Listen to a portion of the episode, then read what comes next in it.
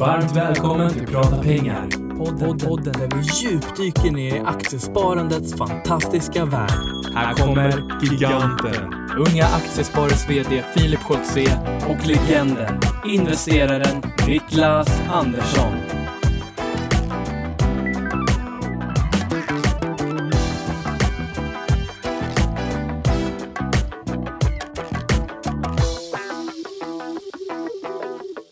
Då säger vi äntligen måndag och varmt välkomna till podden Prata pengar. Eh, idag har vi suttit kanske i 20 minuter och pratat eh, och väntat liksom. För, för det brukar vara så här, vi kommer in här, hej Niklas förresten. Hej. Vi brukar komma in här och så sätter vi oss och så ska Patrik fixa lite med mickar och det ska liksom, eh, datorn ska igång och programmet ska på och sådär. Så brukar vi sitta och bara tjabba på tills dess att Patrik säger, ja nu är jag redo. Eh, och idag så, eh, så nej, jag ska inte säga att, det, att han inte sa det, utan jag förstod ju det. Men du och jag hade gott snack, eh, det har vi alltid. Men idag tog det jävla lång tid. vi får se om Patrik lägger in det där snacket i podden. I helsike. I helsike. Men varmt välkommen i alla fall. Jag vill inte skicka ut något, tvinga bolag att skicka ut något pressmeddelande. Nej, Varmt välkommen och trevlig, trevlig måndag på trevlig fredag på oss. Vilken energi jag har. Jag steg upp tidigt på morgonen och sen så har jag satt i mig en massa käk. Så det här blir riktigt bra tugg idag. Och det behövs för att vi har ett spännande tema. Det har vi. Ehm, och eh, annars veckan sådär, har det varit en bra vecka? Exaktamentos, det har börjat bli lite varmare ute. Jag var på väg hit. Jag gick, regnar jag ville- då. Ja, men det regnade och sen så gick jag ut med paraplyt. Sen så insåg jag att det hade slutat regna sprang upp mig igen. Jag orkar inte med någon ballast på samma sätt som att man inte vill ha en massa pengar på balansräkning. Delar man ut till aktieägarna. Man orkar inte springa runt med 10 kilo extra kring midjan på, på Lidingöloppet. Eh, bolagen mäts på, på lönsamhet så att man delar ut överskottsöverflödigt kapital. På samma sätt där vill jag inte ha paraplyet med mig. Men jag stängde jackan för det var lite kallt även om det började bli varmare. Och jag insåg att dra mig baklänges, jackan gick ju igen. Jag har växt in i värderingskostymen. Snyggt.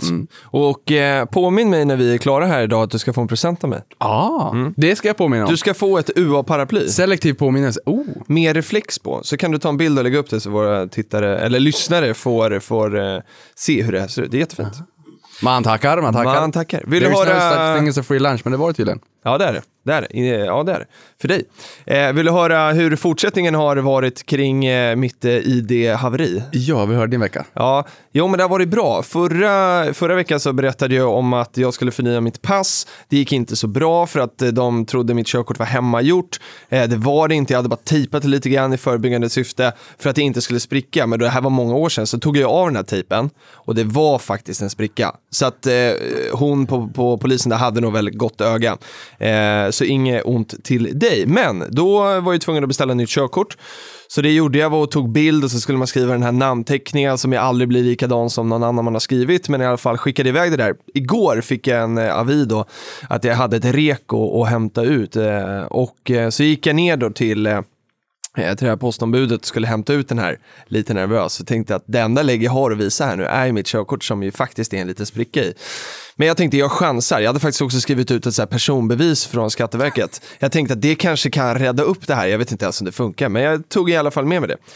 Så lämnade jag fram det här och liksom tänkte liksom låtsas som att det regnar så. Och, så eh, och, och de godkände det. Det var inga konstigheter. Så att jag har fått ut mitt nya körkort. Sen om det var korrekt eller inte, det vet jag inte. Men nu har jag i alla fall ett, ett, eh, ett nytt körkort som är helt. Så nu kan jag ansöka om nytt pass. Åh, vad trevligt.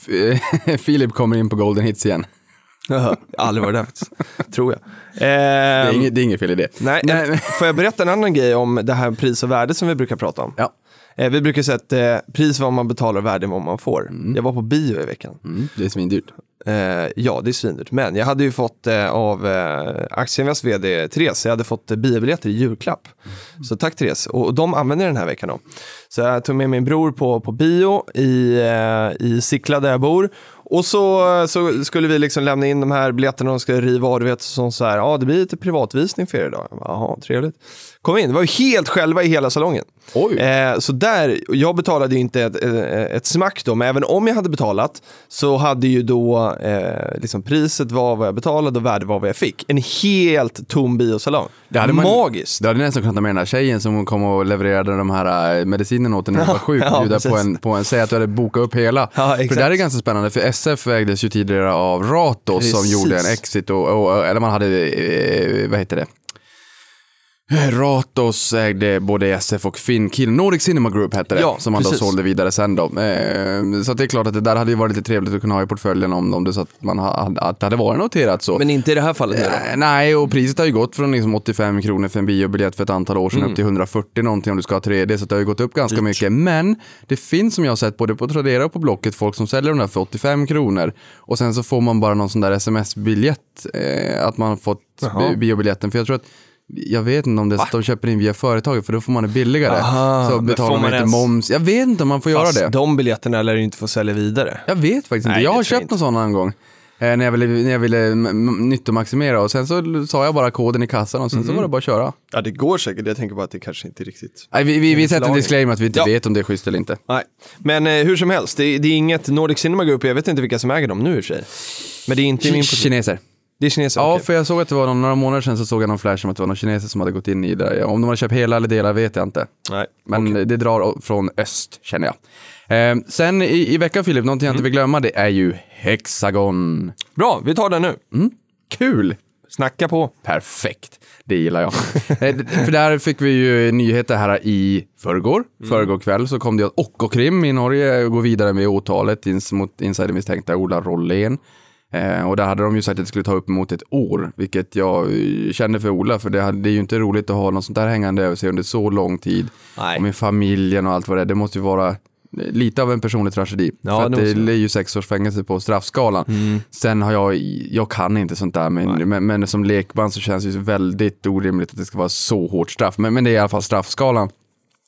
Och sen finns det väldigt många som säger att nej, man, de har, eh, det, det har sipprat ut information i marknaden som det jag skrivit om att bland annat en, en av AP-fonderna säger, säger sig ha information, eh, bra information som visar på att de inte kom, kommer kunna bli fällda. Och sen vet jag också att det finns en sida eh, som heter, jag tror att jag skrev upp det, nej det gjorde jag inte. Nej, det gjorde inte. Eh, olarolentruth.com eh, och det var en ganska snygg sida mm, så att säga, med, med information och allting. Och de Men vem är för- avsändare på den sidan? då? jag tror att det är Hexagon Ah, som okej. också har gått ut och sagt att de står bakom honom. Ja, det gör de ju eh, verkligen. Mm. Solitt bakom Och Ola. även och- Melker Körling. Exakt. Så att, eh, men jag Som jag tror- har köpt in i portföljen nu, måste jag säga det, i och med att det är nytt. Ja, nej, Ola, Ola, olarolentruth.com stämmer, Mm. jag hade skrivit det där. Ja. Eh, så att in och kika på den sidan. Och det jag vill säga här, det var att man visste att det skulle bli lite oro. Mm. För första gången det kom, jag tror det var i början på november förra året, då var aktien ner 21% som mest. Och inte intradag, det tror jag inte att det var, utan det var eh, från toppen då till, till botten innan det vände. För det var ju väldigt, det var en stor osäkerhet vad som skulle hända. Eh, han hade ju ett anförande och ing, på fredagen och ingen visste ju om egentligen vad som hade hänt. Jag tror om jag inte har dagarna helt fel att på onsdagen blev han varse när han kom hem på flygplatsen. Sen så grep Det de honom där. Eh, på fredagen så hade han ett anförande och då var polisen närvarande och på måndagen kom det ut ett pressmeddelande och även aktiespararna var lite kritiska Mm. till att man höll inne på informationen. Nåväl, när jag fick ut den här informationen i förrgår så insåg jag att ja, men det kan bli lite stökigt i Hexagon. Och jag äger ju Hexagon. Så att, eh, Ja, du äger dem direkt ja. Ja, ja, ja, Ja, jag ja. äger Hexagon. Så, att, så att igår då på tunnelbanan så klev jag ur, det var klockan 08.50 någonting, 50 mycket, 56 kanske något sånt där. Eh, och sen så gick jag in i, i öppningskolen och tänkte ja, men jag ska ta en liten position för att jag äger ju den aktien och jag menar ska den falla. Alltså menar, köpa. Ja, köpa. Så jag tänkte, om jag har ägt den här sedan tidigare, vad- då kan jag ju köpa lite mer om det går ner lite grann. Nu var det ingen blodig nedgång, men det var ändå en nedgång på en, jag tror att den var ner som mest 5% indikerar att den skulle öppna ner som mest så att säga. Men då la jag ut en order på 300, jag vet inte, 346 eller något sånt där. Och sen så såg jag att det bara gick ner och gick ner och gick ner och jag ändrade min order hela tiden, ner och ner och ner. Och det behöver man inte göra för att från kvart i nio till nio på morgonen så sker det ju en Ja. viktning, ett auktionsförfarande. Så skriver du 350 kronor och den öppnar på 340, då kommer du få kursen Ja. 340. Men jag ändrade i alla fall. Och sen så i 08.59, eh, då, då var det 340 och jag hade lagt på 340. Jag bara, aj, jag måste ändra. Som jag sa nyss, jag hade inte behövt göra det, men jag gjorde det ändå. Ner till 340 och så när den öppnade så, så small den ju upp direkt. Så det var en 3,5 procent tror jag från att jag gick av tunnelbanan till att jag var framme på jobbet. Och det, nu, det här blir så långt, men, men det reflekterade jag över. För att jag petade bara in en, en liten Eh, Jag petade in eh, 10 200 kronor för att vara helt exakt. Och det, det, Det är mycket pengar. Ja men alltså det, det, det, det, det kändes inte alls, det var inget speciellt. Men om jag köper barnvagn för 13 000, det tycker jag är Det jättemycket. svider. Ja men det Ja. svider. För det är pengar Filip. Ja, jag det andra är kapital. Ja. Och sen när jag kom till jobbet då hade man, jag hade tjänat 400 kronor. Och jag tror att det var, fyra, eller det var Bra 400 en start. dag. Ja, exakt. Men 400 kronor försvinner ju i portföljen som helhet. Så det, Ja. så här, det var roligt, men, men det är ju inte så att det förändrar min portfölj och helheten Det var inte att du hade nämnvärt. 400 spänn att gå och käka lunch för. Ja, men Filip. Hade jag gått och köpt en trisslott Mm. och vunnit 400 kronor så hade det känts mycket, Ja, ja. mycket mer i min plånbok. Och det får du förklara varför. Hur kan det vara så, så stor skillnad på pengar och kapital, Filip? Alltså jag vet inte riktigt. Jag tror också att det här är någonting som förändras över tiden. Jag tycker att att liksom, när man har de här pengarna i portföljen, man kanske har haft det ett tag och så liksom man pytsar över dit och har liksom mentalt tänkt att så här, de här ska jag inte använda. För att jag håller helt med dig, jag känner ju likadant. Eh, så, så liksom tacklar man av den där känslan lite grann. Det är bra att bli, få lite så här, de som jobbar inom vården känner ju till det här Embla. Eh, Mm. Som man kan lägga, applicera på kroppen så att det blir lokalbedövat om det. man ska sticka eller vad det är. Det är bra att ha lite Embla i portföljen. Mm. Det är för att det är ju kapital och man ska ju vara känslokall. Man ska inte tänka på pengar på samma sätt för det, då gör man ju de här icke-rationella magkänslebesluten utan man ska ju vara rationell. Man ska ha Embla i portföljen helt enkelt. Ja, det är byggstenar. När, när jag läste att du eh, hade skrivit här i agendan om Niklas affär i Hexagon så tänkte jag, har han sålt nu? Det här ska bli Nej, intressant. jag Nej. håller inte på med sånt. Nej, jag vet, det är bara jag ibland. Eh, spännande. Eh, hur som helst, eh, första kommentarer från Twitter kommer från eh, Fredrik Svensson. Han skrev så här. Är det fler än jag som låter prata pengar skandera i lurarna på gymmet? Liknar vid hjärnans bänkpress. Eh, och det jag vill säga med det här är att det är jättekul. Kul att höra Fredrik. Eh, jag hoppas du inte har för hög volym dock, för att man måste tänka på, på öronen också. Och jag, jag brukar säga till Patrik, för att jag, jag lyssnar innan vi skickar ut den då, så brukar jag lyssna på vägen hem och sådär. Och då när jag är på tunnelbana så är det perfekta testet och se, har vi tillräcklig volym i podden eller måste jag liksom höja, höja upp för högt? För iPhonen, eh, säkert andra också, säger ju till att nu har du hög volym eller det blir rött sådär. Ja, Eh, jag, jag har alltid på högsta, men någon som är riktigt kass Har på du det där. Ja, Jaha. någon som är, men det, nu har jag mina Marshall... Ja, mina Marshall-lurar har gått sönder. Sound Industries är onoterat, men man kan köpa, det finns sådana sidor man kan köpa onoterade aktier om man vill ha det. Jag har dem inte, så att säga. Men de gick sönder. Och då fick Mhm. jag ha de här originalhörlurarna och de är inte riktigt så bra tycker jag. Nej, det är ju de jag testar med, för Ja. jag tänker att det är väldigt många som har den, den kvaliteten någonstans Ja. i, på lurar. Och, och Jim Cramer, Mad Money CNBC. Mm. Totalt värdelös podd när det kommer till ljudet. För trots att jag har på högsta volym så hör jag inte. Mm. Ja, jag måste sitta där det är tyst för att höra det där och det är inte så att jag är döv. Nej, bara ibland. Nej. Beroende på vad man säger. Ja, beroende på vad man säger. Men det jag vill säga med det här är att eh, vi skulle gärna se att ni skickar ut ännu fler bilder på när ni lyssnar på podden eller någonting annat som ni vill liksom dela. Eh, och då gör ni det jättegärna under hashtag prata pengar på Twitter eller på Instagram eh, så att vi får igång det flödet också lite, för det vore väldigt kul. Ja, jag gillar Fredriks liknelse att det är hjärnans bänkpress. Ja, det tyckte jag var roligt. Hur som helst, nu ska vi eh, jobba oss in på eh, dagens stora ämne. Eh, som är, eller vi gör så här. Eh, GBG-aktie på Twitter har skrivit så här. Köpte några tröjor på H&M idag eh, i butiken, parentes. Ovanligt bra kollektioner och folk såg köpsugna ut. Det blir H&M's år i år. Hashtag prata pengar, hashtag min portfölj. Det här ska jag den 13 mars. Eh, och sen skrev spenderarbyxorna då. Blev en liten ökning i H&M igår, kan bli mer framöver. Ehm, ha, vad har hänt i H&M här nu Niklas? Det känns som att det är liksom det, den här veckan så har det snackats enormt mycket H&M eh, och Gbg-aktier här som har varit ute i butiken ser att det är mycket folk, det upplever jag också, jag handlade också på H&M nyligen. Och liksom, eh, det känns bra liksom så. Eh, det är fina kläder och ja, det är, det är alltid kö i de där kassorna. Men sen är det den här förbannade aktien som är ju superminus i, i alla fall min portfölj och i väldigt många andras också. Som ju har, har köpt H&M här sista åren. Eh, vad är det som händer? Nej, men man kan väl säga vad det är som inte har hänt. Det är- Det är mycket som inte riktigt har gått H&M's väg. Eh, Vi har både fått ner, vi har fått ner bruttomarginalen i bolaget som är en viktig parameter som många tittar på. Men vad är det då? Eh, Åtminstone analytikerkåren tittar Ja, på. just det. Ja, det är ju om vi säger att du då har en, eh, en försäljning på en tröja på 100 kronor Mm. och sen så kostar den där 20 kronor att tillverka. Mm. Eller om vi är mer realister kanske, vi säger att den kostar 40 kronor att tillverka så har du en bruttomarginal på 60 Just procent. Du behåller 60 kronor från varje omsatt eh, hundralapp då. Mm. Ehm, Så att det, det, det är egentligen e- efter KSV, efter kostnadssålda varor. Så att det, den slanten man har Och då är det så här, ja, men man ska köpa in bomull, du ska ha eh, färga de här tröjorna eller vad det nu skulle kunna vara. Du kanske ska trycka någonting på dem, eh, någon märkning och så. Ja, exakt. Och etiketter i nacken. Och... Och i och med att de inte tillverkar dem eh, själva utan beställer de här från fabrikerna så blir Ja, det ju när de köper Ja. tröjan, så att de, de pengarna som blir kvar, jag säljer en tröja till dig för Mm. 100 kronor, jag har en direkt kostnad för plagget på 20 kronor, eller nu sa vi då 40, jag, Ja. Jag säljer en tröja till dig för 100 kronor, jag har en direkt kostnad på 40, då har jag 60 kronor kvar, det blir min bruttomarginal, och av de där 60 kronorna, då ska jag ju sen bearbeta ner alla andra kostnader för lokal och personal och och- julfesten och allt vad det sen. Sen har vi en, efter det har vi ju en rörelsemarginal. Så att alla pengar Niklas brukar alltid tjata om det julfester och jag, det har ju så satt sig vid så att jag tänker alltid på det. Ja, fortsätt. Nej, nej och, och sen så ska det alla, alla kostnader inom organisationen med julfesten och allt vad det är. Och sen har jag, får jag ju en rörelsemarginal och sen så ska det vara lite eh, finansiella poster och man har lite eh, lån och hit och dit och så här till höger och vänster. Och sen så har man en nettomarginal då efter, efter skatt. Ja. Ehm, Så att, jag menar, där har vi fått se ett nedtryck på bruttomarginalen. Får jag bara säga en sak? Ja. Eh, med de här olika vinstmåtten. Mm. Varför man spesar upp dem, eller det här är min tanke, sen får du liksom eh, slå hål på det här i så fall. Men jag, jag kan tänka mig att det är lite förvirrande varför man pratar liksom rörelseresultat och, och sen är det brutto, netto och hit och dit och sådär. Någonstans så tänker jag så att när man tittar på ett bolag om man vill se, se förändringar, vart är det händer saker? Om vi säger att vinsten på sista raden då har eh, gått upp eller gått ner så vill man ju då kunna se, okej vad är det som har gjort att den har gjort det? Och då skulle är det då efter finansiella poster, vilket är då om eh, ja, men, bolaget placerar ju också sina pengar och man förräntar dem och sådär. Eller är det där uppe på bruttoresultatet för att man har fått ner priset för, eh, för vad det kostar att producera eller man har ett högre pris i butikerna.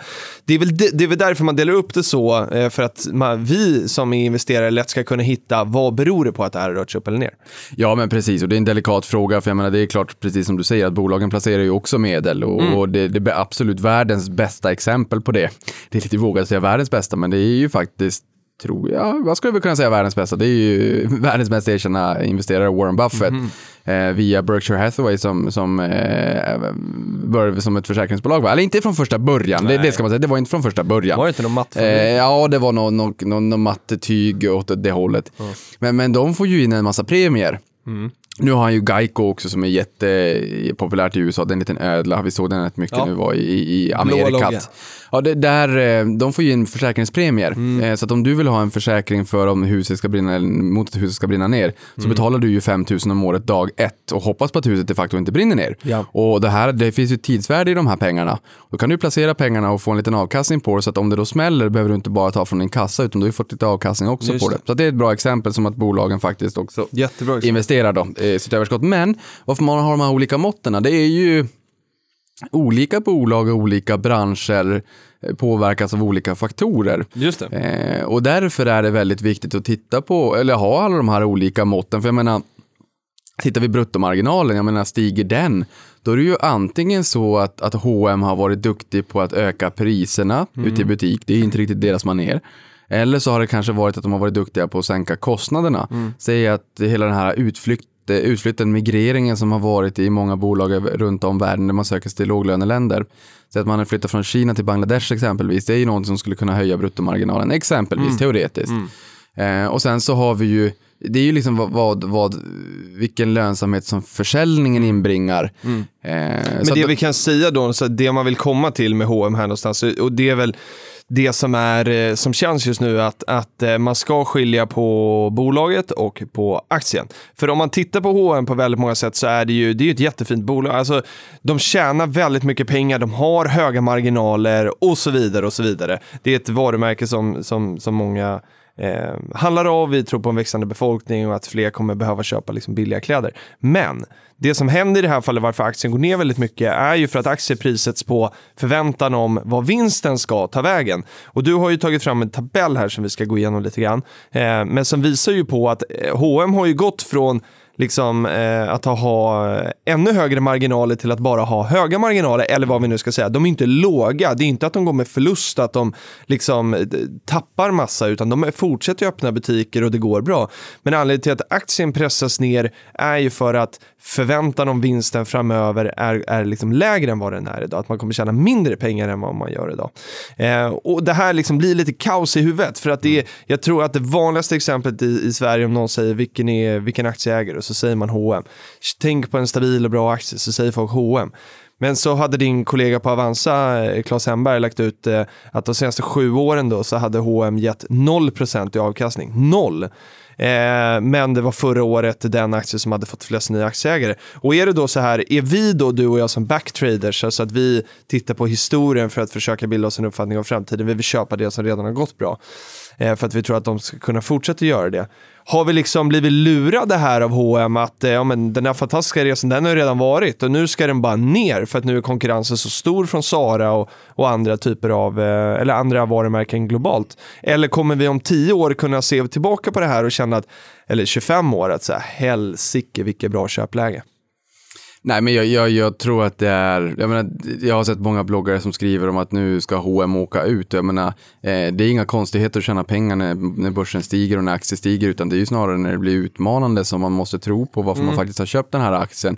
Eh, och jag menar att H&M är 40% billigare än vad den var bara för något år sedan när den stod i 368,50 och jag menar man får titta på vad är det här för bolag, är det samma bolag idag som det var en gång i mm. tiden och ta beslut därefter. Jag tror inte alls att, att eh, vi, det här är slutet för H&M definitivt inte. Nej. Det enda jag extremt kortfattat bara vill säga Filip, ja, det. Det, det. är att mm. eh, rörelsemarginalen för rörelsen, och om det är så att vi har en hög bruttomarginal, bruttomarginalen är viktig i H&M mm. och sen, om sen vissa bolag eh, har en låg rörelsemarginal, mm. då kanske det tyder på att rörelsen rörelsen är ganska dyr. Det är kanske är dyra lokaler, det är ja, dyr precis. personal, det är, det är, mycket annat dyrt och kanske man kan skära i de kostnaderna för att optimera rörelsen. Och sen har vi vissa andra bolag, de kanske har en okej okay lönsamhet hela vägen ner till finansiella poster, men det är på de finansiella posterna som det verkligen blir fart under galoscherna. Mm. Och det kan ju vara bolag som är uh, väldigt, uh, har mycket ränteintäkter exempelvis, mm. banker, försäkringsbolag som gynnas när räntorna stiger. De kommer nog ha rätt mycket eh, fart under galoscherna som mm. sagt ner på den posten.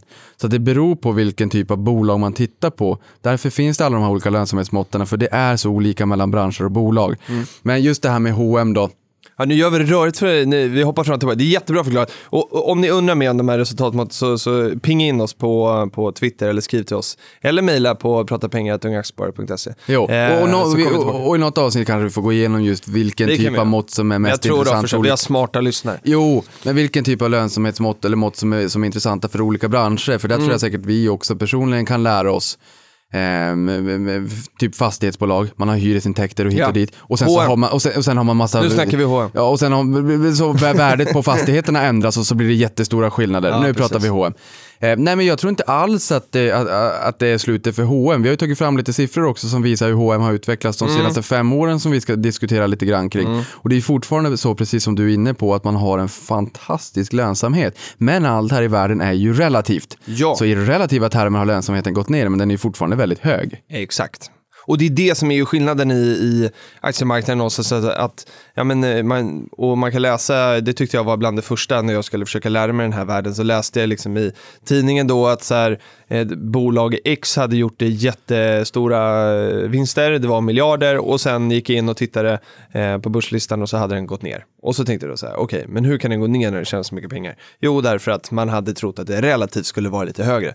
Eh, märklig värld kan tyckas, men det är så det är. Men vi ska försöka bena ut lite hur det verkligen ser ut i H&M då.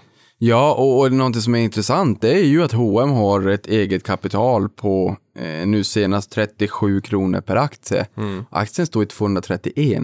Mm. De har alltså haft eh, en aktiekurs på, på 368,50 mm. som mest. Så att jag menar, de har ju varit uppe i price to book 10.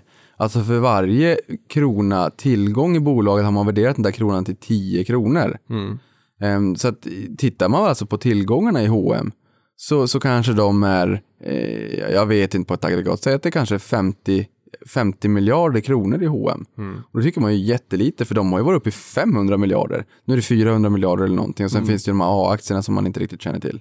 Nej, precis. Ehm, så att jag menar, gör det? Ja, det gör just Jo, det. Ja, det gör jo, det. Gör det. Eh, Och, och sen är det så här, ett, ett högt price to book indikerar ofta att man har väldigt högt förtroende för bolaget. Och många av de här blue chipsen, de bolagen som har funnits med i urminnes tider och levererat jättefina Stora, stabila. Stora stabila, de värderas ofta högt om det inte Ja. handlar om fastigheter. För man vill inte köpa en, en Nej. etta i, i Stockholm för 4 miljoner om den går för 2 miljoner på Hemnet. Då tycker man att det är lite jobbigt. Så fastigheter gäller inte. Men, men annars så, så gäller det faktiskt. Och där har vi kommit ner väldigt mycket Mm. i värdering. Så att tar vi den första Filip, topline fem år. Mm. Och topline, omsättning, försäljning, alltså topline, den raden högst upp i, i, i resultaträkningen. Ja. Den har stigit 58,11 procent de senaste fem åren. Varför kan man inte bara säga försäljningen? Det förstår ju alla. Nej, men nej, jag, jag gillar fikonspråk. Jag gillar Okej. att förklara fikonspråken, vad det betyder för någonting. Men det är, så här, det är ju trevligt. Det, är liksom, det är ju custom made, anpassat till den här goa glassen och inte den här standard budgetvarianten. Men tänk ändå, då ni där ute som lyssnar på det här som har liksom hört topline och lärt er det. När ni ska gå hem och liksom få era polare eller föräldrar eller vad det är eh, och förstå aktier så, så kan ni, liksom, jag kan tänka mig att då kommer man hem och så drar man det här, AHMs topline och så låter man jävligt cool. Eh, men kom ihåg att förklara det också, viktigt. Ja, för topline, raden högst upp, det är Ja. alltså försäljningen, bottom line. Och det brukar man ju använda även i andra, vad heter det nu, i andra sammanhang Mm. och utanför finansvärlden. Men, Jaha Filip, vad betyder det här för Ja, bottom, bottom line? Vad är det? Och Ja. Mm. bottom line, det är ju alltså resultatet. Det är ju vinsten efter skatt, skulle man väl kunna säga. Eh, till före eller efter skatt, men, men liksom längst ner. Mm. Men, men den har stigit alltså då 58 procent. Och då kan man säga på årsbasis de senaste fem åren så har försäljningen, omsättningen, topline stigit med 9,59 procent om året. Mm. Eh, för fem år sedan så var den 140 miljarder och nu är den 222 Mm. miljarder inkmoms. Så att jag menar, de växer ju. Ja. Men tittar man på, på rörelseresultatet då efter alla kostnaderna, ja då har den stigit 9,59 procent den också. Totalt under samma period. Exakt. Ja. Topline 9,59 procent per år, men sen har vi samma på decimalen. 9,59 på rörelseresultatet, men det är på alla fem år. Ja, Så att rörelseresultatet har ju bara stigit 1,84 procent om året. just det. Det är ju lite tråkigt. Ja. Så att vi har alltså en, en eh, försäljning som har stigit ganska mycket. Men har inte resulterat ner Nej. i lönsamhet i ett, ett ökat resultat på sista raden i samma utsträckning. De där pengarna absorberas någonstans. Ja, och förklaringen kommer ju i nästa va, i rörelsemarginalen som du Exakt. säger här, det har sjunkit från 18 procent alltså, och då för 100 kronor, man har sålt en tröja för 100 kronor så får man 18 kronor i vinst. Eh, har då är nere då på 12,4 så de har ju då minskat. Är det under samma period då, fem år va? Ja, det är under fem år. Ja. Så inte vinsten på sista raden, utan men, men, men efter liksom alla kostnader och Ja, ja, fest, precis. festen som du sa där. Jajamän. Precis, exakt som du säger. Från 18 kronor ner till 12,40. Och här då så ska man ju tänka till då här för att... Eh, Per hundralapp. Vi, ja, exakt. Men när vi har pratat om sådana här nyckeltal och du och jag gillar ju tillväxtnyckeltal som sånt här är. Hur mycket ökar man vinsten varje år och så. Eh, och hur stor är vinsten så hade ju vi sagt eh, på ett bolag som har 12,4 procent att säga ja men det är en bra rörelsemarginal. Eh, det är ju liksom när det är, eh, det är double digit och det är liksom det är tvåsiffrigt och, och då, då rullar det på ganska snabbt. Hjulen rullar på fort då. Eh, men här då så är det helt plötsligt negativt och då är det ju bara för att relationen från 18 ner till 12,4 är dålig. Men 12,4 i sig, om man bara skulle ta bort alla relativa värderingsgrejer, är ju inte dåligt. De tjänar ju bra pengar. Ja, exakt. Och sen är det ju så också då att, att eh, jag vet Dagens Industri även här då har skrivit om att rörelsemarginalen är uppemot 20 procent. Det är fantastiska siffror. De hade skrivit en generell artikel här för en tid sedan som jag som fastnade på min näthinna. Och är precis som du säger, det är, det är tvåsiffrigt. Det, det är fina siffror. Sen Ja. finns det ju, precis som vi var in på det här med bolag, att det inte alltid är så enkelt att man måste titta på branscherna. Det finns ju vissa branscher där, där marginalerna är ultralåga, men, men där det är stora volymer istället. Ja, exakt. Typiskt eh, eh, daglig, dagligvaror Ja. eh, och bygg. Okej. Du kommer inte ha 12, 14, 15 procent Nej, när man nej, bygger ett nytt sjukhus. Liksom. Eh, men, men det kommer vara väldigt stora belopp så att säga. Mm. Eh, men men en, en bra poäng helt enkelt. Japp. Och sen ser vi det egna kapitalet. Mm. Och det är ju mångt och mycket det här som är eh, Ja, Men det var ju det vi var inne på, de egna pengarna. exakt. Ja, Så det, och, och det skulle man kunna, precis. det är bara att ta lägenheten. Hur mycket sköt du in i handpenning? Exakt. Så om du, sköt, om du köpte för en miljon, sköt in 150 000 Mm. i handpenning och sen vips så är det 300 000 där. Mm. Så Eh, amorterar man ner lite varje år och då blir det ju också eget kapital. Exakt, och skulle man vilja ännu mer nörda ner sig och driva det här mot hur ett företag fungerar så skulle man kunna säga att man hyr ut den här lägenheten och får, eh, får intäkter, alltså hyresintäkter Mm. Ja, då, bra. förutom alltså månadsavgiften och räntekostnaderna, att en del av de här hyresintäkterna går till att amortera ner bostaden. Det blir ju precis som ett bolag, Mm. för då har du ju en resultaträkning. Du har ju liksom eh, topline, omsättningen, det är alltså hyresintäkten, sen har du kostnader, du har avgiften och du har ränt. Avgiften blir ju rörelsekostnad. Ja, blir... Sen har du vad heter, räntekostnader för din lägenhet det har just du, och sen så har du resultat, det, det blir de finansiella posterna. Ja. Och sen längst ner, då har du ju årets vinst. Mm. Eh, och årets vinst, den flyttar upp till din balansräkning genom att amortera ner lånet på din bostad. Just det. Och därifrån så går det alltså från 150 000 i eget kapital upp till säg 300 000 i eget kapital några år senare och har fördubblat eget kapital.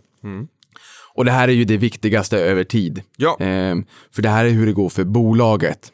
Sen vad man värderar aktien till, hur aktiekursen går och hit och dit, det är en annan femma Filip. Ja. Det för det handlar om hur börsen värderar Exakt. vinsten och det egna kapitalet. Men tittar man enskilt på bolaget hur det går så är det ju en intressant post att se att, att inkromet ökar. Och det har alltså ökat från 26,49 kronor upp till 37 kronor. Och vi pratar om price to book nyss, den ligger på 6,25 Mm. Och det här är idag. per aktie då? Ja, per Ja. aktie, precis. Mm. Och varför man säger per aktie är bara för att man vill bryta ner det. Så att, för alla har ju då, du köper kanske 10 aktier, då vet du att hur, hur mycket är det för mig? Det blir Ja. ganska bra att jämföra med. Ja, och, och det här per aktie är ganska intressant också för ibland så i, i, i vissa bolag så sker det ju nyemissioner Ja, och det. Splittar och omvända splittar som gör att relationer, alltså hur många aktier som finns ute på marknaden, eh, inte stämmer längre. Eh, så att jag menar, ett, ett amerikanskt bolag, typiskt amerikaner i det här fallet, om man har eh, 100 utestående aktier på marknaden och sen så eh, gör man en vinst på en dollar per aktie, då är ju vinsten 100 dollar. Men om man sen eh, i sånt fall återköper egna aktier, vilket amerikanerna är alldeles galna i att göra, återköper hälften av aktierna så att det bara finns 50 utestående aktier. Men där vinsten fortfarande är en dollar så kommer ju vinsten per aktie eh, ha fördubblats. Exakt. Så att i det här fallet så, så det är ju ett fult sätt att om, om marknaden inte får eh, liksom, titta på det där, att säga ah, vinsten har ökat, nu behöver vi en högre bonus. Och det här förekommer. Ja, det gör det säkert. Det, det, Det gör för, det. det Ja. förekommer. Det är så det funkar där Det är borta. inte så I snyggt. mångt och mycket. Det är inte snyggt. Nej. Ehm, ja, men det är bra. Och sen hade vi också det här med butiker som du skrev här, att man har gått från, för det är också inte hur man värderar aktien utan snarare liksom hur det faktiskt går från Ja, bolaget. nu, nu började jag, jag, jag, Ja. jag, jag, jag flög iväg, jag slutade prata här för att jag var tvungen att bara säga, visst, visst Komma sa jag tillbaka. Nu, nej, visst Ja. sa jag nu rätt i räkneexemplet? Så jag Ja, inte får det äta upp det här på måndag. Jag tycker du gjorde gjorde det. Ja. Jag kan lyssna igenom också, men det lät rätt. Jo. Eh, butikerna eh, har du eh, tagit med här att de har, eh, för fem år sedan hade de 2776 butiker och de är nu 4351. Så att det har då ökat med 56,7 procent eller 9,39 per år. Eh, och det här eh, låter ju också bra, då är man nästan uppe på tvåsiffrigt per år där också. Eh, och så har du skrivit nu online. Och det här är en stor förändring. Därför att nu, Med versaler. med versaler, ja. Det var därför jag höjde rösten lite grann. för att nu, för förut har de ju liksom kommunicerat sina tillväxtmått i det fall i, så, uh, i hur många butiker man ska öka med. Men det är det inte längre, utan nu är det då liksom försäljningen i alla kanaler. Exakt. Och har vi ett kvalitetsbolag som det här så är, är det ofta att man får ett högt price to book om vi bara backar jättesnabbt. Nu har price to book fallit till 6,25. Det har varit på tvåsiffrigt även det.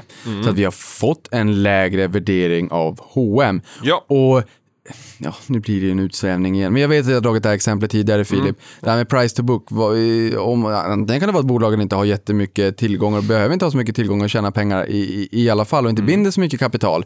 Eh, och då är det ofta så att man, man får ett ganska högt price to book. Men har man mycket stora reella tillgångar som fastigheter, ja, men då kommer price to book ofta ligga kring 1. Och går det över 1 så tycker man att det är lite dyrt. Nu är vi nere på 6,25, vi har varit uppe på tvåsiffrigt. Det exempel jag vill dra bara, det är McDonalds, det här eh, skolboksexemplet att om en tsunamivåg skulle komma Ja, det. och Ja, men det förstöra var, alla fast det är bra, så kör det igen. Ja, skulle alla förstöra alla McDonalds i hela världen. Mm. Eh, Så att det inte skulle finnas en enda restaurang kvar, de skulle vara bankrutt, så skulle de ändå kunna låna pengar imorgon bara på sin goda renommé och sitt varumärke. Det. Och det blir ju en immateriell tillgång och det gör ju ofta att man får höga price to book-tal. Så det var utsvävningen. Men Den var precis- inte så farlig. Nej, nej. Plötsligt hände det.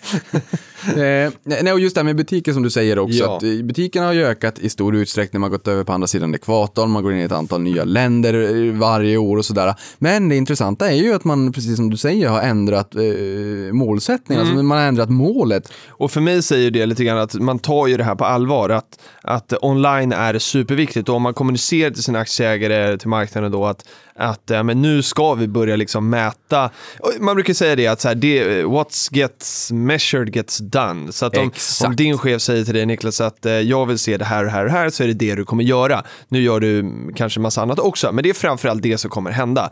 Eh, och om man då säger till sina anställda på H&M att nu är det försäljning tutti, eh, liksom inklusive online allting, då är det det de kommer leverera på. Om fokus är butiker, då kommer de banne med öppna butiker oavsett om det kanske är det bästa eller inte. Exakt, som, som du säger, på ett aggregat så är det ju så att det man, det man mäter kommer också att göras. Det, det, blir, det ligger någonstans i den mänskliga naturen. Ja. Ehm, på, på ett aggregat så att säga. Men eh, vad sa du Filip? Nej, jag skulle bara gå vidare kanske. Jo, nej men det, det intressanta är ju det omformulerade tillväxtmålet, precis som du är inne på. Och det här är väldigt intressant. Mm, det är. Därför är det någonting som man absolut i den här branschen aldrig ska underskatta. Mm. Då är det signalvärden. Ja, det är det. Och här har man så att säga, man har omformulerat det här och jag, jag saxade ut, eh, jag läser. Det är ju fortsatt stark expansion. Det här kommer direkt från H&M då? Det här kommer direkt Ja. från H&M. Omformulerat tillväxtmål. Jag gör sådana citationstecken här vid, Mhm. vid micken. Mm. Så att ni, jag, jag, jag, jag, jag gjorde en gest in i micken, ni såg säkert det. Jag såg. Ja, eh, det här i ljuset av detta utvecklingsskede är naturligt att omformulera vårt tillväxtmål. Det innebär att vårt tidigare mål om att öka antalet butiker med 10-15% per år istället blir ett försäljningsmål där både butik och online är inkluderade. Vårt nya mål gäller, eh, som gäller för 2017 och framöver är att hm koncernens försäljning i lokala valutor ska öka med 10-15% per år med fortsatt hög lönsamhet. Det här säger mig två saker. Ja, det säger man en massa. Det här lokala valutor hänger jag alltid upp med på.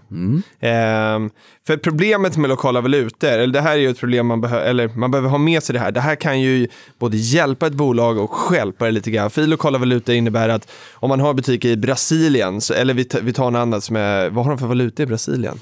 Eh, inte real? Ja, jo det kan det vara. Vi säger Real.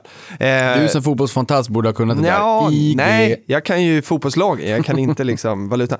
Strunt samma, vi säger, eh, ja, vi säger Real då. Och, eh, och så, då mäter man då, då vill man ha 10-15% ökning i den valutan. Men sen kan det ju vara att H&M de ska ju liksom redovisa allt i svenska kronor för ett svenskt aktiebolag.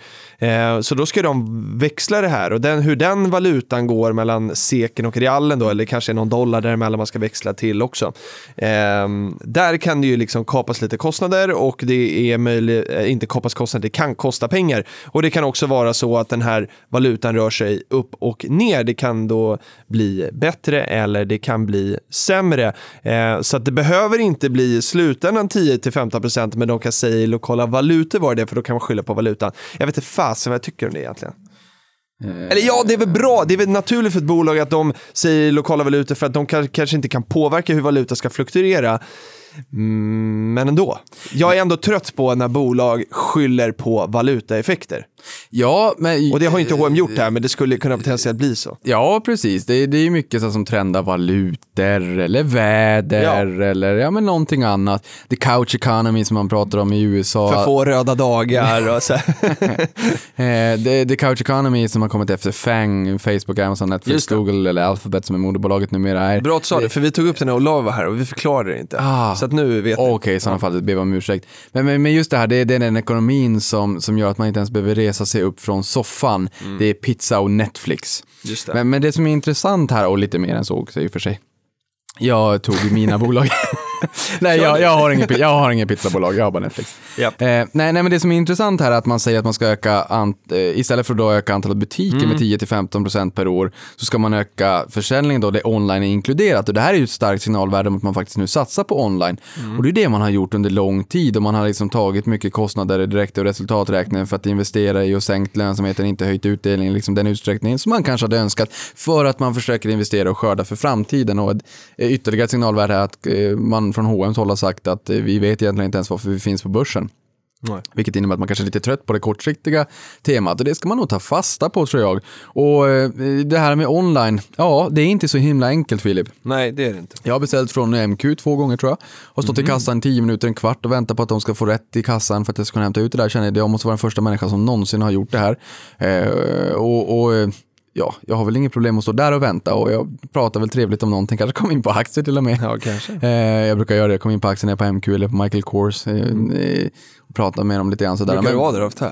Michael Kors? Ja, hon visste inte ens att de var börsnoterade. Nej, okej. Eh, faktiskt. Nej. Men, men, men och det, det är inget fel i det. Det men nu vet hon det. Jag menar, det här med börsen är ganska det det är okänt för, för den stora massan människor. Men, men i alla fall då så att säga, så jag får vänta där ganska långt tag på butiken och till slut så får de igenom det. Då känner jag det här, är, det här funkar inte. Nej. Det här är inte liksom strömlinjeformat. Man måste ha en Omni-kanal idag. Det börjar bli en hygienfaktor. Det kommer vara en hygienfaktor. När jag säger Omni så ska det som sagt, det ska inte spela någon roll om du beställer från nätet och hämtar i butik eller kollar i butik och beställer hem. Det är lite synd för miljön. Eller lämnar eh, på ditt eh, postombud eller lämnar i butiken. Eller, alltså det, det, ska, det ska vara helt sömlöst. Det ska vara en, en, en, butik, ett bolag och alla möjliga kanaler där kunderna finns helt enkelt. Så att, att man då satsar på online är jättebra. Men Filip, eh, jag kan känna så här att H&M har fastnat i den här fällan lite grann som eh, SAS fastnade i 1978. När det var en avreglering i flygbranschen och man sitter fast på jättedyra, eh, jättedyr personal. Eller, ja, det är en liten diskret, men, men dyr personal Okej. i relativa termer i alla fall. Ja, ja. Och sen kommer det unga bolag som kan lägga sina juridiska legala säten i andra länder med andra skattesatser och liksom rida på de eh, luckor som finns i lagstiftningen för att kunna optimera. Eh, och det har inte SAS gjort. Eh, och nu funderar man på hur man då ska bete sig där. Men, det, men så, eh, det är flygbranschen. Bankbranschen. Varför har eh, Avanza Nordnet lyckats så bra förutom att de har revolutionerat svensk sparmarknad? Fick jag in lite reklam. Jo, därför att man kommer liksom in i ett helt annat skede än med storbankerna. Eh, det är Men nu samma... kommer storbank. Nej, vi ska inte ta den diskussionen. Vi, nej, vi nej, måste nej, slutföra H&M-snacket. Men, men, men här, med, här kommer jag till H&M. Okej, okej. Det, det är liksom Zalando, H&M, Zalando och Kinnevik. Just det. De har, de har fötts in i den digitala världen, Filip. Yes. Ja, På samma sätt precis. som Avanza Nordnet. De har fötts in i en digital värld. Hela deras existensberättigande bygger på online. Från första tangenttryckningen i de där systemen så har man fokat på att det är online som är deras huvudkanal. Och det har inte H&M gjort. Och det är en utmaning och det Ja, det har inte varit så enkelt som man hade kunnat tro. Nej. Nej, det har det verkligen inte. Men det som... Eh, Och, och lokala valutor. Och, det här med lokala valutor. Det är så bra, för man tvättar. Det, är så här, det, det pågår ett globalt valutakrig. Nu behöver man inte bry sig om hur valutorna svänger, för att målet är ju att man ska öka både butiker som är lite dyrare och online som spänner över. precis. Och man Okej, säger alltså det att det är, man Okej. säger att det är i, i lokala valutor. Ja, men det är sant. man Då gör det det lite enklare för sig. Ja, precis. Man gör det lite enklare för sig. Jo, det gör man. Därför att eh, du, du Eller hur blir det? Blir det inte tvärtom? nej, Alltså, det beror blir- på hur valutorna går. Jo, absolut. Det är resonemang vi var inne på innan här. Men, men eh, jag tänker att det blir ju, alltså för alla de butikerna lokalt så vet ju de vilka förutsättningar de har. Alltså de kan ju inte få en högre försäljning för att de har valutan på sin sida. Nej, nej, nej, inte Nej, i butiken. nej, Och det här, vi pratar börsen kontra bolag. Ja, så det här målet gillar jag ju därför att det här är det Det bästa spegla målet. verksamheten ganska bra. Det här är det bästa målet för bolaget. Yes. Man kan inte bara säga att man ska växa i butiker. Online är en stor del idag. On internet är inte en fluga. Självklart ska det stå med i målet. Jag, tycker, jag, jag gillar det. Jag, jag gillar det. Jag gillar det också. Och att, Men- att, att, att Lisa eller Pelle eller, eller Mohammed eller vem det än är som står på golvet i Sverige eller i USA på H&M ska inte behöva bry sig om hur landets valuta tenderar att fluktuera. Nej. Utan man ska öka försäljningen i sin lokala valuta. Jag gillar det. Det är jag med. Jag passade på att dricka lite te med. Jag trodde det skulle prata på längre. Men vi gör så här, jag vill bara liksom landa det sista här nu. Jag vet inte om vi liksom har nått dit. Men jag känner att vi har ett ansvar. Och, eh, eller ansvar. Men jag sa till dig att jag tycker att det här som händer i H&M nu, det är liksom det här optimala prata pengar eh, situationen. Därför att vi vill ju vara liksom den här aktiekompisen som, som eh, kan uttrycka de här känslorna som ni sitter på där ute. Både jag och Niklas äger ju H&M Eh, och, eh, och jag har pratat med många kompisar och med dig här nu på morgonen om, om eh, hur man ska göra med H&M nu, hur man ska agera och, och vad, hur det känns. Så vi har också fått in jättemycket frågor på det där och ni vet säkert vad vi kommer säga. Att så här, sitt lugnt i båten och, och jobba på om ni tror på bolaget. Eh, men, eh, men jag vill ändå liksom lyfta så här att det är lite tufft. Det är jobbigt och det här är det vi brukar prata om att köp där det gör som ondast och såna här saker. Eh, vi, vi, är väl där på många sätt just nu. Ja, att det och- är jobbigt det här. Ja, men jag menar, det, och det, jag vet Filip, jag har inte ens funderat på att kasta ut dem i portföljen. Nej, du har inte det? Nej, ja, nej. Det, det, alltså det, det här Jag är- har inte heller gjort det nämligen, nej, men- men, ja, men ändå sitter man där och det är jobbigt när det är minus. Va? Och så har man hört liksom att så här, man ska kapa förluster tid, man ska inte sitta med förluster i dina bolag och sådär. Och, och då kanske man tänker då att äh, men jag tar bort H&M och ser när det börjar vända igen, då kan jag hoppa på för det finns pengar att tjäna. Och det kommer inte att hända för man kommer inte träffa den botten. Nej, det är väl det som är problemet. Och någonstans så måste man också så här, tänka på att, och i alla fall för min del, så har jag liksom eh, ägt H&M i väldigt kort tid i förhållande till hur lång tid jag har tänkt att jag ska äga aktier under mitt liv. Eh, och då tänker jag att då kanske det här, det var därför jag var inne på det här om 25 år, då kanske det här bara är den här lilla tiden och sen om 25 år kommer man se att det här var ett bra läge. Jag bettar på det, men eh, som sagt, ni bestämmer själva. H&M är förmodligen ett av världens mest starka varumärken. Ett av dem i alla fall, topp 100 definitivt. Efter prata pengar. Efter prata pengar. så att jag menar, nej, jag, jag tycker, jag har, inte, bra. jag har inte ens tänkt tanken. I en väl diversifierad portfölj så känns det inte så mycket. Men, men det är klart att man, man, ska, man ska inte bara blunda, utan man ska, vara, man ska vara rationell och man ska hela tiden ifrågasätta sina innehav. Och det gör jag och H&M kommer att vara kvar.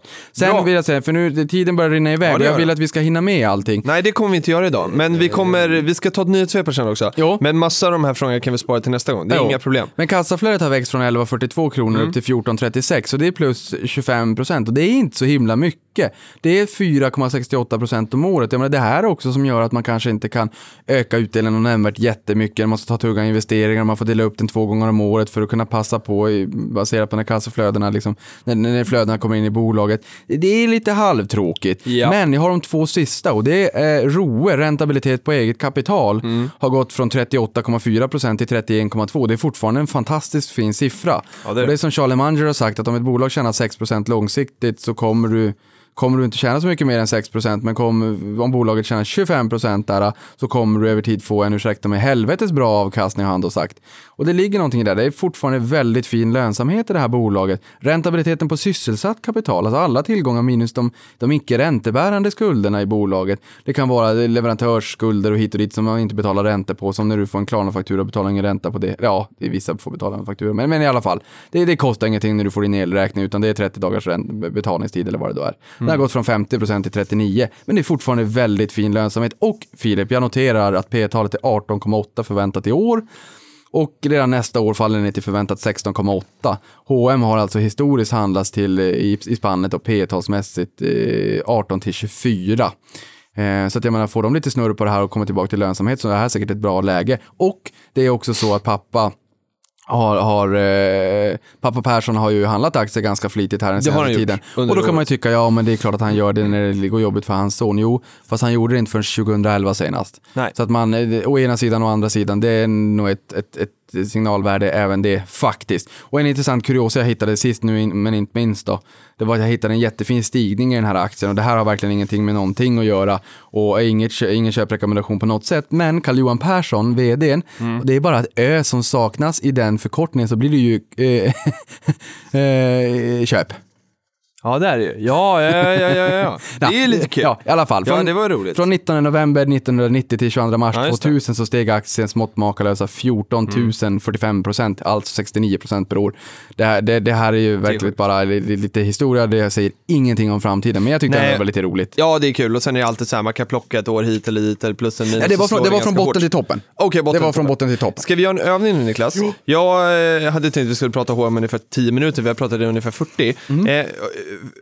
och får jag svara på de här sista frågorna nu så får Ja. du ta nyhetssvepet sen. Ja. Så får du, eh, om du verkligen vill till, nej vi får se, vi får se om du klarar dig.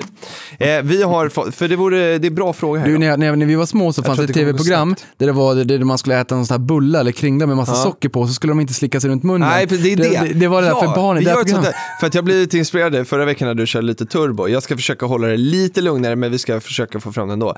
Placera pojken skrev under hashtag prata pengar att ändå värt att tillägga, H&M är fortfarande samma bolag i grunden, långsiktigt fortfarande ett bra case trots den negativa trenden. Tack för din input.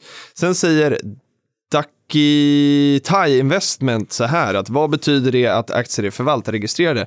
Äger mina aktier i ISK och vill gå på bolagsstämmor och det här är ju eh, jätteviktigt nu inför den här säsongen. Eh, det är så att man, eh, om man äger aktier hos en eh, nätmäklare som vi gör eller om man har på en annan bank, ISK eller sådär, så kan det vara så att aktierna är förvaltarregistrerade. Det är eh, med största sannolikhet så.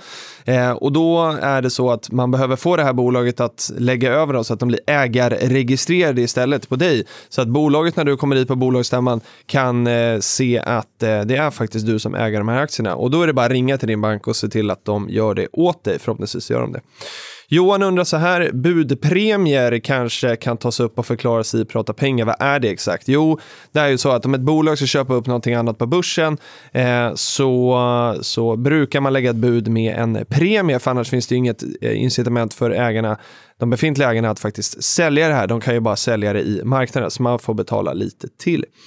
Eh, framtida rikedom undrar, hur tänker ni andra om börsen skulle falla? Har ni på något sätt säkrat upp era portföljer eller gör ni som vanligt? Här kan svara för både ni, mig och Niklas att vi gör som vanligt. Eh, Marita Wallin säger följ med på aktiespararkryssning för tjejer.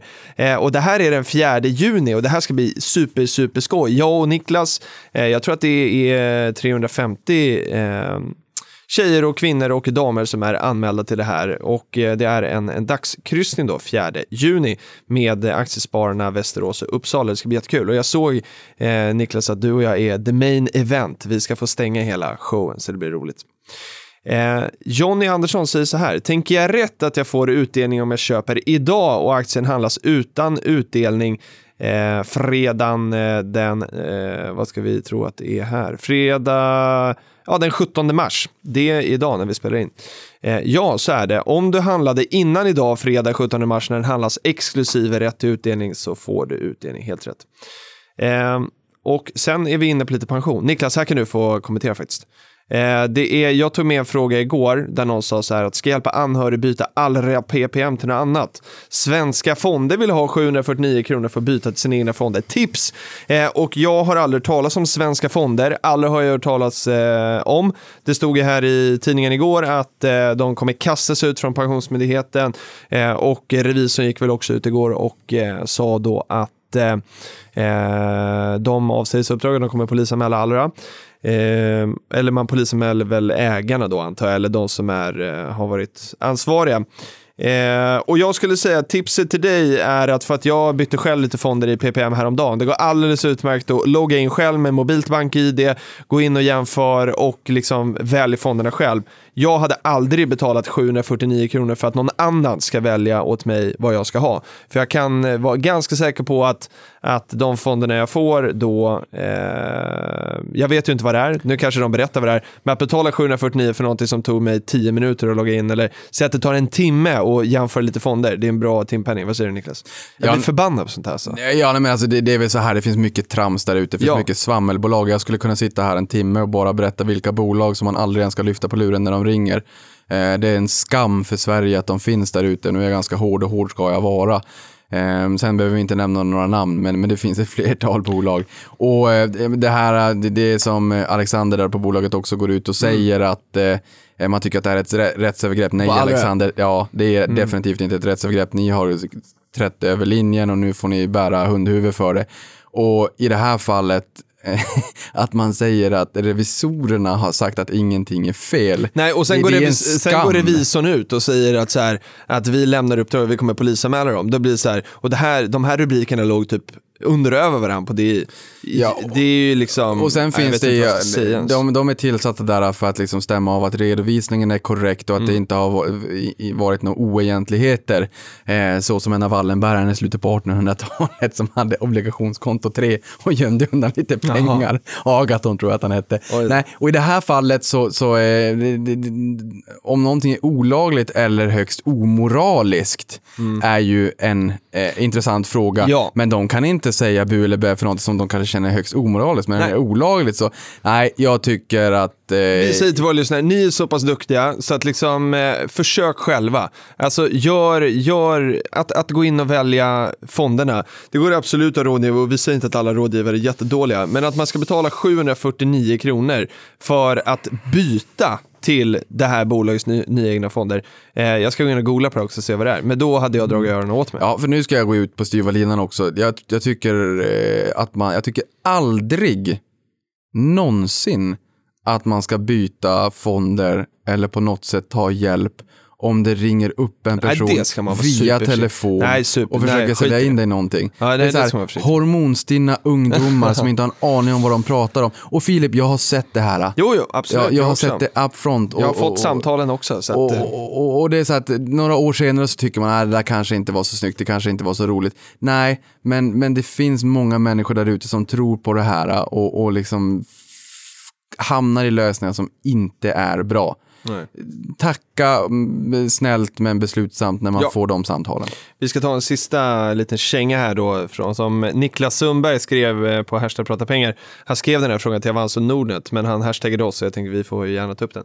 Alltså kollade upp vad det skulle kosta att flytta en pensionsförsäkring från Skandiabanken. 4% av kapitalet, kan det stämma? Frågetecken. Och jag kollade vad Skandia svarade här och de sa något så här, ja det beror på när man har tecknat försäkring och så vidare och så vidare. Men det jag vill ta upp är att det är helt sjukt att det bara kostar. Alltså tänk Tänk er själva, ni har satt in pengar på eh, vilken bank som helst. Eh, eller så här, er aktieportfölj eller vad som helst. Och så vill ni flytta den, så säger ni så här, ja då tar vi betalt för det.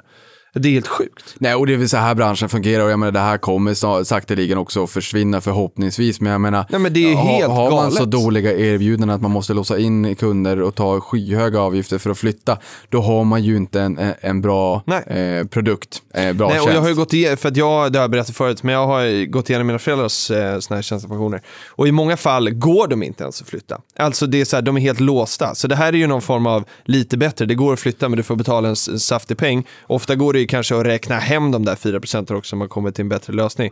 Men, men, men att det inte ens går att flytta. Någon säger att så här, eh, ja, för, om du blev kund här före det här datumet så får du aldrig flytta ut dem.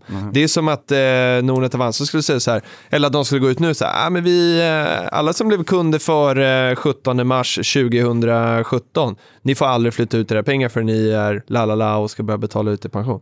Det är helt sjukt. Det är helt sjukt. Och det är Filip, jag vill säga också, för det kan ju vara så att man blir lite eh, blir irriterad för det jag sa nyss, men ju- just det här med hormonstinna ungdomar. Men, men, men jag har... Det är jag, inte deras fel. Det är inte deras fel, Nej. men jag har, jag har sett det, jag har Ja, fått jag det. samtalen och det är så här, Absolut. Och, och jag har sett eh, events där bolag har försökt locka ungdomar med, med löften om höga rörliga ersättningar och Var jag, jag, försiktig. jag gillar det inte. Inte jag heller. Eh, det var hyfsad eh, genomgång. Vi, fick, eh, vi kunde klara av ganska många i alla fall. Eh, nu är det dags för nyhetssvepet. Det är så efterlängtat eh, och vi har eh, poddat i 56 minuter så att du har några minuter till goda här nu Niklas. Ja men precis, jag tar det lite snabbt och sen så lovar vi ett mastigt nästa gång.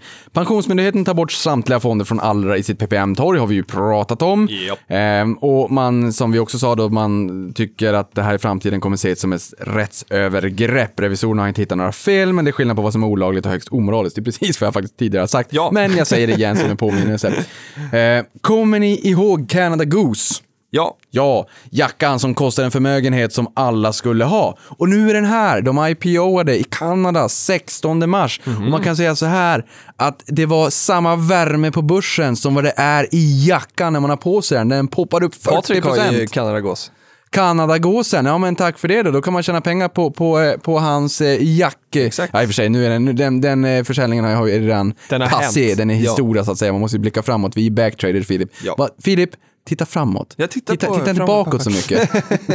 Nej, men den gick upp 40% precis som Snap också. Den gick upp 44% Snap. Snap har mest. gått ner sen. Snap har gått ner sen. Eh, och där kan vi ju utveckla sen varför och sådär. Och, Ja, men det tar liksom- vi en annan gång. Exakt. Kinnevik investerar 110 miljoner kronor i ett digitalt vårdbolag, Livongo Health, baserat i Kalifornien. Eh, och för den slanten fick de 3,5% av bolaget, så givet att det inte finns några olika aktieslag och sådär med olika prissättning så värderar man bolaget till en bit över 3 miljarder. Coolt. Eh, ja, det är, det är en saftig prislapp. Sen har vi eh, lillbrorsan, jag har två bröder. En av lillbrorsan där, han rapporterar om att Samsung Pay nu är standard efter senaste uppdateringen Jaha. i Samsung-telefoner. Och hans betyg är sjukt smidigt. Sjukt smidigt. Dagens ungdomar, dagens ungdomar, dagens språk. Coolt. Eh, ja.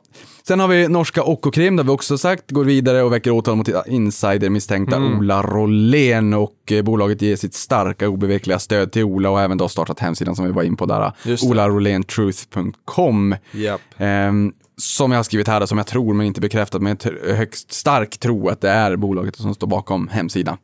Sen efter nio år av kapitalkontroller släpper man Mm. Det den... finns ju även en sån eh, på Allra, typ så här inifrån Allra eller något sånt där. Ja, jag såg det, man hade en hel sida i DI. Ja, precis. Eh, Ah, ja, strunt samma. Eh, Efter nio år av kapitalkontroller släpper man den isländska kronan fri och jag var på investerarresa med unga aktiesparare till Island 2014 i augusti där och där träffade vi presidenten som talade sig varm för eh, regleringen. De har ju en president och en statsminister. Just det. Eh, och det är kul för våra vänner där borta för att det var nämligen så här att våra motsvarigheten till Unga Aktiesparare, de hade 17 aktier att välja på. Jag träffade en eh, förvaltare på eh, Islands Banki. Han hade 7-8 aktier i portföljen. Jag sa du måste snurra dem där rätt ofta för att få någon alfa mot börsen. För att du äger ju typ hela börsen. Det är tufft. Eh, så- Alfa är överavkastning. Ja, så nu, nu kan de alltså köpa Coca-Cola och McDonalds Ja, och lite. Starbucks och kanske H&M om de vill också. Så att den varmaste hälsningen till våra vänner där borta på Island. Mm. Eh, och sen såg jag också bara någon siffra, det här är bara en kuriosa som jag lägger till, men det har ju varit en brutal explosionsartad tillväxt i eh, turism, eh, turismnäringen på Island. Samtidigt som is, i Iceland Air har jättelåg värdering. Jag tror att den är på P6. Plus att jag tror att någon eh, vulkan eh, brast ut där också. Jo, men när vulkanen brast ut, det enda bolaget, eller ett av de få bolagen som kunde flyga i Europa var ju Iceland Air. Och inte de andra flygbolagen. Så att de vet ju verkligen hur man flyger trots att det är lite jobbigare tider. Nåväl, där har vi Det kapitalkontrollen var min släppta. telefon som ringde, vet du varför? För klockan är nio och då öppnar våra telefonslussar. Så att eh, vi, nu wrappar vi så vi kan Nu- svara nu- våra nu- medlemmar som ringer. Exakt. Amerikanska Fed höjde räntan med 25 punkter för tredje gången eh, och den inleddes ju då 16 december 2015, dagen innan jag flög hem från, från Afrika. Satt jag på i receptionen och kikade där lite grann. Ja. Eh, positivt tolkningsföreträde, börsen tyckte om det, börsen steg. Under 2016 drack amerikanerna mer buteljerat vatten än läsk. Ett litet steg för mänskligheten men ett stort steg för amerikanernas midjemått. Och nästa diskussion blir ju såklart om man ska frakta runt massa vatten och sådär och om, om det är tjänligt dricksvatten i kran. Men i alla fall, det var en reflektion. Programmeringen införs i skolan från första klass, hatten av på det.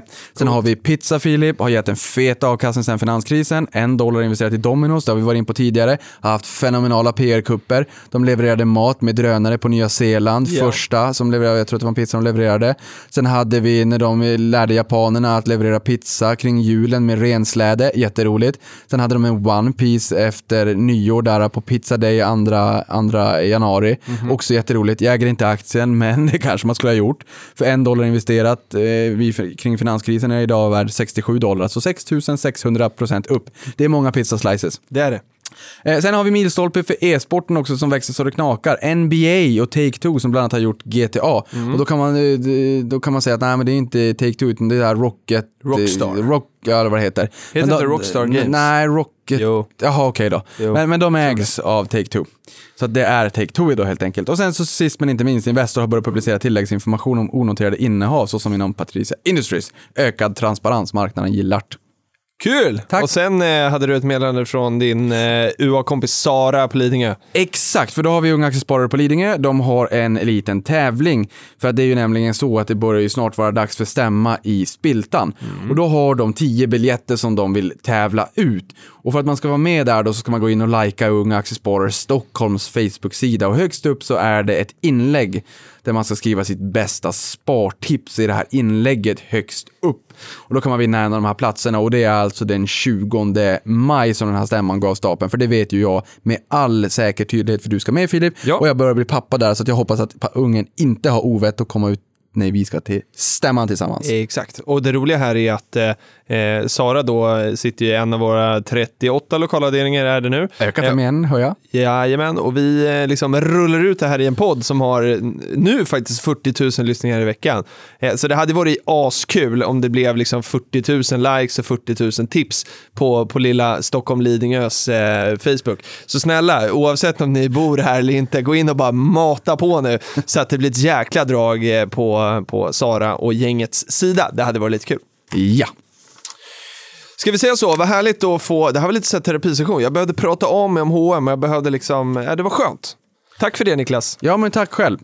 Köp bra bolag, behåll. Ibland kan de ha lite utmaningar, men vad sjuttsiken får man vara. Man älskar dem även fast de är odåger ibland, eller hur? Ja, och sen eh, när det ringer skumma typer och vill sälja grejer så eh, fråga oss först eh, om ni är osäkra och så kan vi försöka bena ut vad det verkar vara. Men var försiktig. Du, det där är jättebra, för ringer det några konstiga försiktig, typer... försiktig det. Ringer det några konstiga typer till er, försöker sälja på det, säg tack, men vi ska kolla med prata pengar först. Hör av er till oss under hashtag prata pengar i sociala Ja. Medier, främst Twitter. Jag, jag kommer definitivt, jag älskar det, jag kommer definitivt grotta ner mig i Ja. bolaget och förhoppningsvis så har de ett bra erbjudande. Har de det inte så kommer vi att belysa det. Jajamän. Vi säger så. Tack Patrik för att du har suttit med jättelänge idag. Det blev eh, eh, rekordlångt i studion. Vi Ja, hörs. och nästa gång kan jag berätta om vad när de ville sälja julgranar från UK Ja, det till mig och tyckte att det var världens bästa investering. Så det finns många som ringer. Bra klipp. Hej hej! hej, hej.